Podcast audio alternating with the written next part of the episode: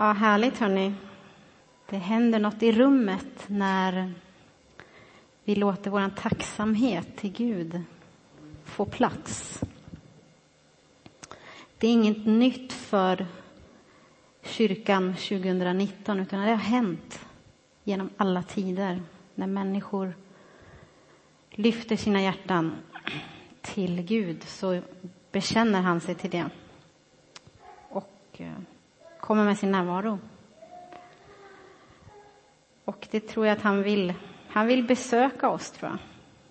Han håller på att göra det. Han besöker vår församling.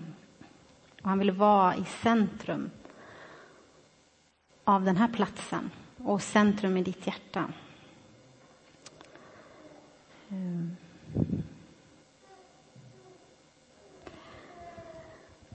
Det tror jag. Det tror jag faktiskt. Jesus, jag tackar dig för att du är här. Tack för att när vi lyfter våra hjärtan till dig, oavsett vad vi är i för eh, tillstånd i våra egna liv, Herre, så vet vi att du, du bekänner dig till, till våran lovsång, till våran sång, till våra hjärtan. Och Herre, jag ber att du redan nu i den här stunden ska, ska möta oss. Du möter den som har kommit hit idag och inte kanske orkar lyfta sin röst. Och du kommer och möter den personen där, den, där hon eller han är just nu.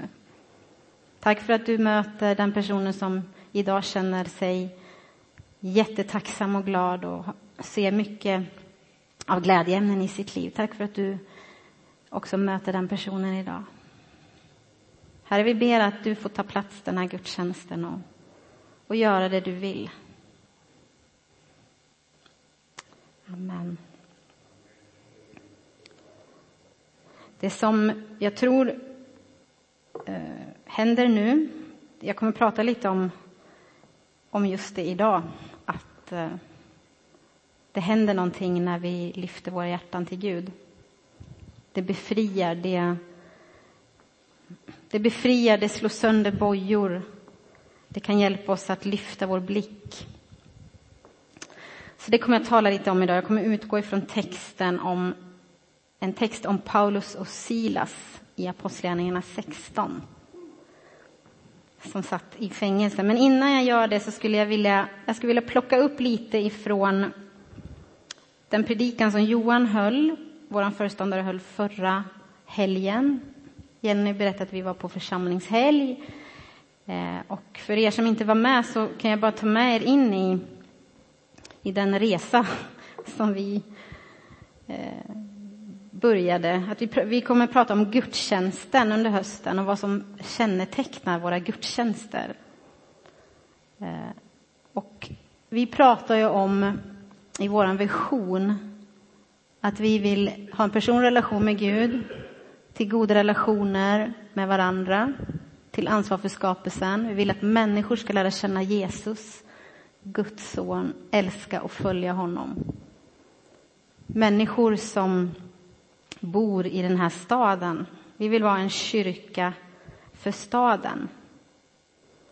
Och då kan man ju tänka, hur påverkar det våra gudstjänster? Kan våra gudstjänster påverka Mölndal? Jag tror faktiskt det. Jag tror att när vi kommer tillsammans som församling, när vi älskar varandra, när vi låter Guds kärlek flöda ut genom oss till andra människor så påverkar det våran stad. Och du, där du är, påverkar din omgivning. Även om du inte tror det, så är det så att Gud, han bor i dig. Och det känner människor av som finns runt omkring dig. Så det vill jag uppmuntra dig till. Nu talar jag så här spontant här. Jag bara känner det, att jag vill uppmuntra dig att eh, där du är i din vardag, på ditt jobb, bland dina grannar, på din skola. Försök så här, tänka Gud bor i mig. Och han är större än han som är i världen. Du går inte ensam någonstans. Och han använder dig precis där du är. Du är församlingen i samhället som enskild person. Men också är vi det som, som grupp. Och vi, Johan pratade lite om det här att vi går från att vara bortvänd från Gud. Vi omvänder oss till Gud och blir så tillvänd till Gud och till människor runt omkring oss.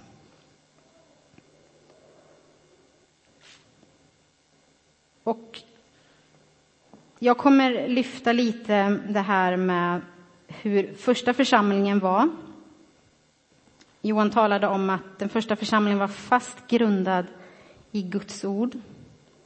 Den präglades av omtänksam gemenskap, som jag också tycker att den här församlingen gör. Eh, men den var också en tillbedjande församling, en församling som riktade sin tacksamhet och sång till Gud och som en följd av det levde ett utgivande liv till människor runt omkring. De var alltså missionerande också. Fast grundad i Guds ord, gemenskap, tillbedjande och missionerande. Och jag vet, jag har pratat om det här med tillbedjan förut. Och ett liv i tillbedjan, det handlar inte om att vi ska gå och sjunga hela dagen. Här måste jag gå omkring och sjunga sånger? Är det det som är att leva ett liv i tillbedjan? Ett liv i tillbedjan handlar om att leva sitt liv i kärlek till Gud och till andra människor. De första, den första församlingen, de tillbad mycket. Det, stod, det står om dem i Apostlagärningarna 2 att de eh, bröt bröd i hemmen. De firade alltså nattvard. Och de möttes varje dag i templet och i hemmen. Och de prisade Gud och var omtyckta av hela folket. Så det här med tillbedjan av Gud och att vara omtyckt av folket, på något sätt så gick det hand i hand, för det, fick en, det blev en konsekvens, en rörelse. Vänd mot Gud i tacksamhet tog sig uttryck i att relationen med Gud, mötet här gör att man också mötte människor utanför. Eh, det finns en, en hyfsad nystart, jag vet inte hur länge den har hållit på, en nystartad organisation som heter Hope for this nation. Det är två tjejer som eh, kände att de hade ett kallel, kallelse att göra någonting för städer i vårt land. Det handlar om att tillbe Gud på olika platser och hand i hand med det gå ut på gator och berätta om honom. Eh, och det är någonting jag tror är helt rätt i vår tid just nu. Att vi får möta människor där människor är. Riktningen uppåt och riktningen utåt.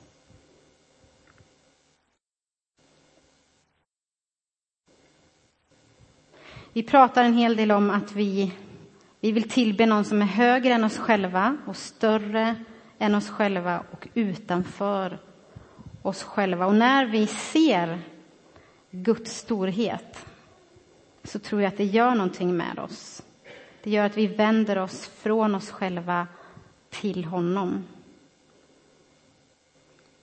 Och när människor ser det så tror jag att det gör någonting även med dem. Eh, de här tjejerna i Hope for this nation de har berättat att de har stått och lovsjungit mitt i stan och människor har kommit dit fram och vad gör ni? Vad är det som händer? Det är någonting som händer på den här platsen. De berörs av Guds närvaro. De dras in i det fast de kanske inte vet det själva. Därför att Gud bekänner sig till den platsen. Och utifrån det så får de samtala med människor och be för en hel del människor också.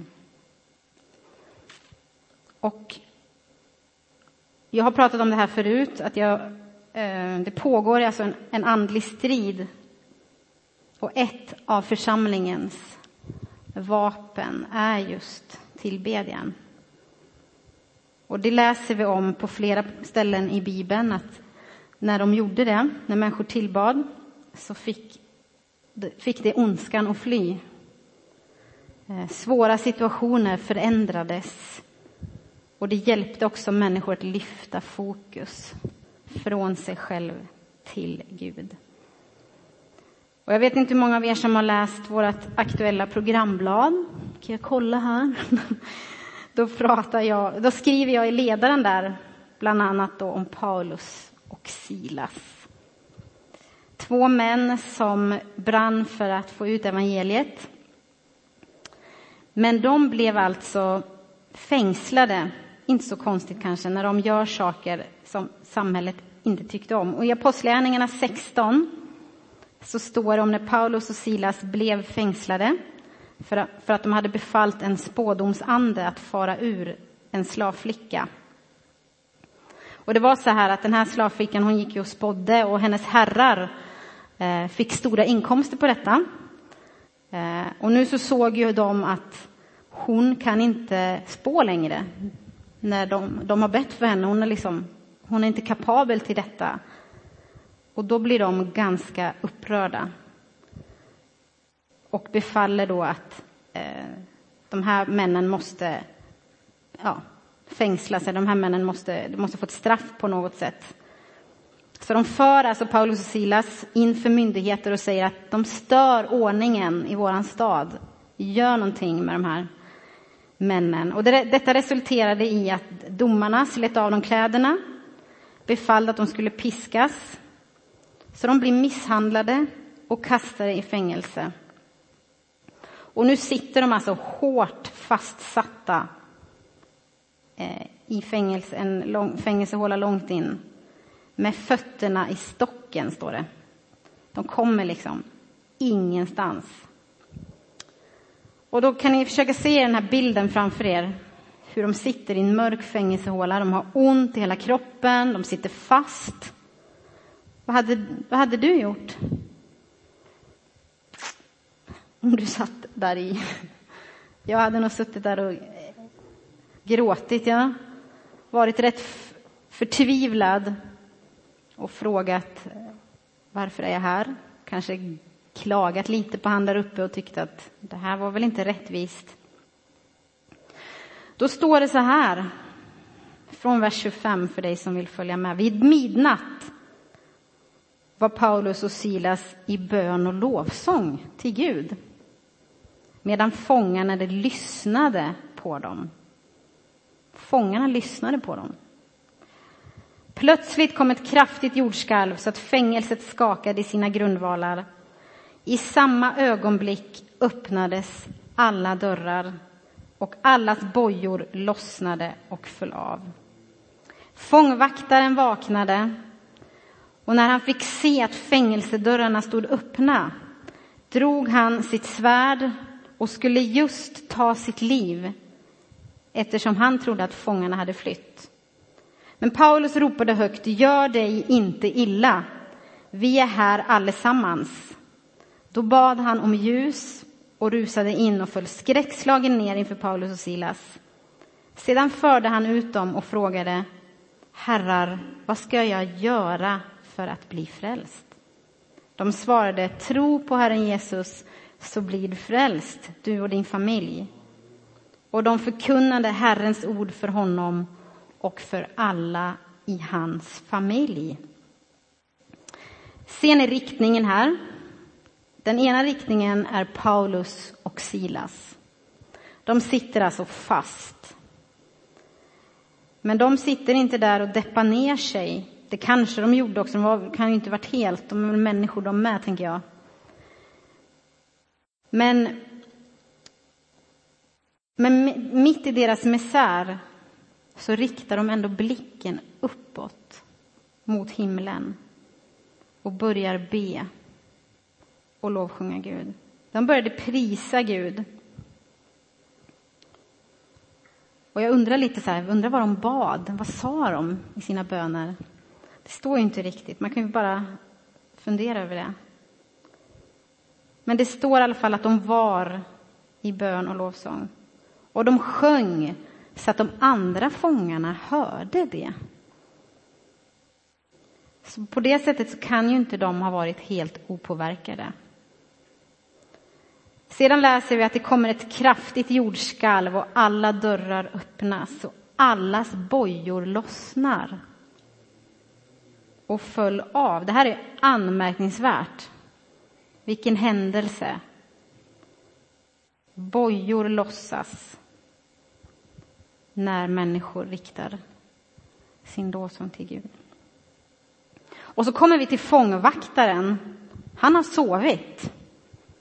Och han vaknar och så ser han allt som har hänt. Och han tror direkt, nu har alla flytt iväg.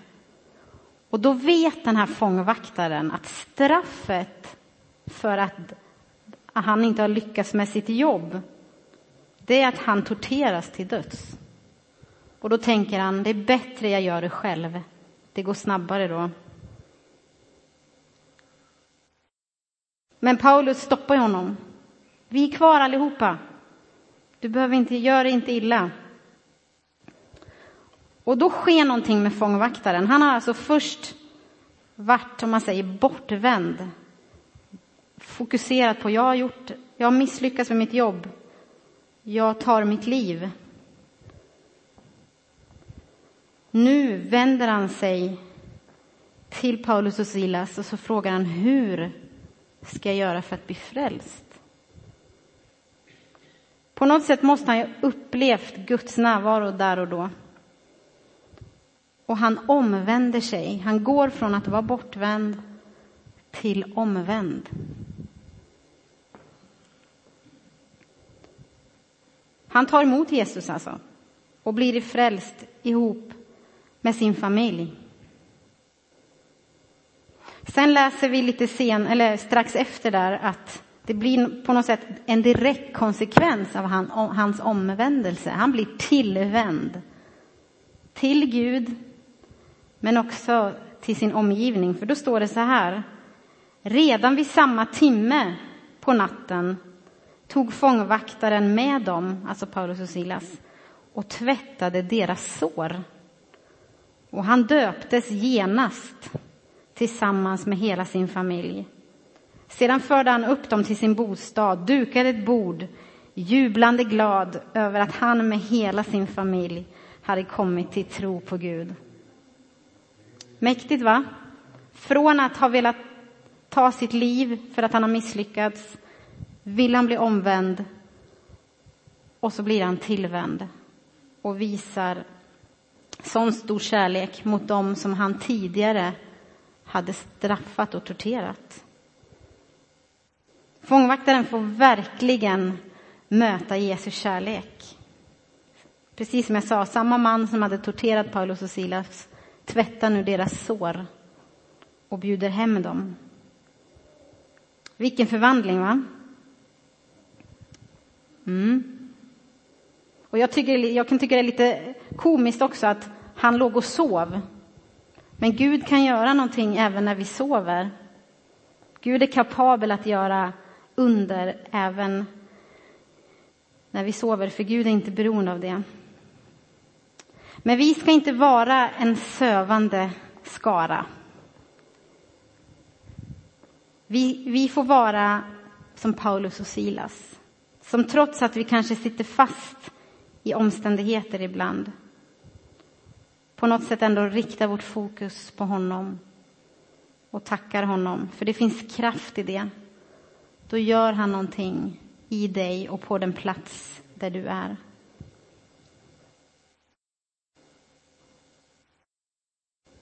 För Guds närvaro smittar av sig. För att återgå till predikan förra helgen så avslutade Johan sin predikan med att säga att den gudstjänstfirande församlingen gjorde avtryck på sin omgivning. För att citera så sa han, församlingens mål är inte bara andligt välmående gudstjänster på insidan.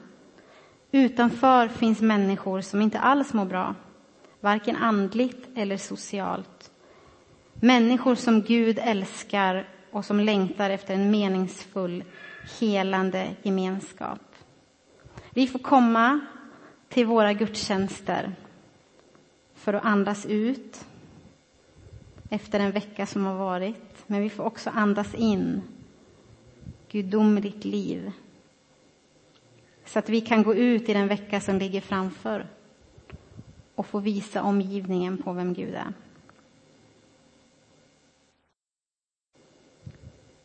Så min uppmaning och min utmaning till oss idag det är att vår församling får vara, vara den här tillbedjande församlingen som sträcker sig uppåt.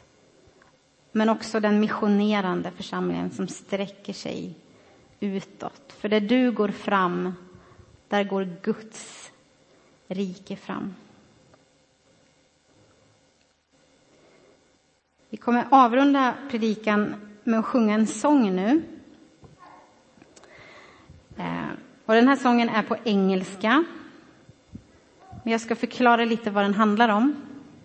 För den har en väldigt stark berättelse bakom sig. En av de musikansvariga i en kyrka i USA, han berättar om när han skrev den här sången.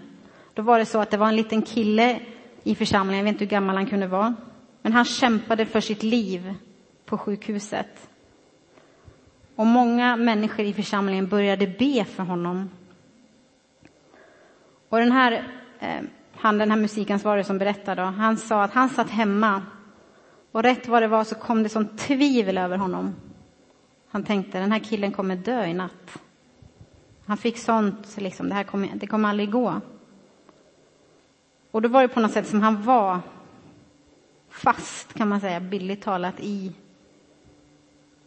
Han satt fast och visste inte vad han skulle liksom göra.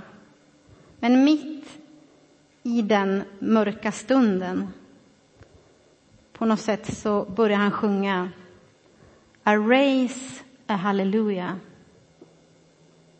I raise a hallelujah, vilket betyder jag lyfter ett halleluja i den här situationen som jag är i i den här situationen som den här familjen är i, så väljer jag att bara lyfta min röst i ett halleluja. Och texten talar om att jag lyfter mitt halleluja mitt bland fiender, mitt i mina tvivel, mitt i mina svårigheter. Och mitt i stormen vill jag sjunga högre och högre och högre. I kampen och nöden så lyfte han sin röst till Gud. Och då hände det något på den platsen. I det här fallet, det finns en video på Youtube från den här, när de sjunger den här sången, då, då, då är den här lilla killen i sin pappas famn. För han, han överlevde. Och i det här fallet så blev den här pojken helad. Men även om saker inte sker, vi kanske inte ser det vi önskar, så är jag ändå övertygad om att Guds rike bryter fram när vi väljer att lyfta vårt halleluja. För det ligger en sån makt i det när vi sträcker oss mot honom och förkunnar hans namn. Amen.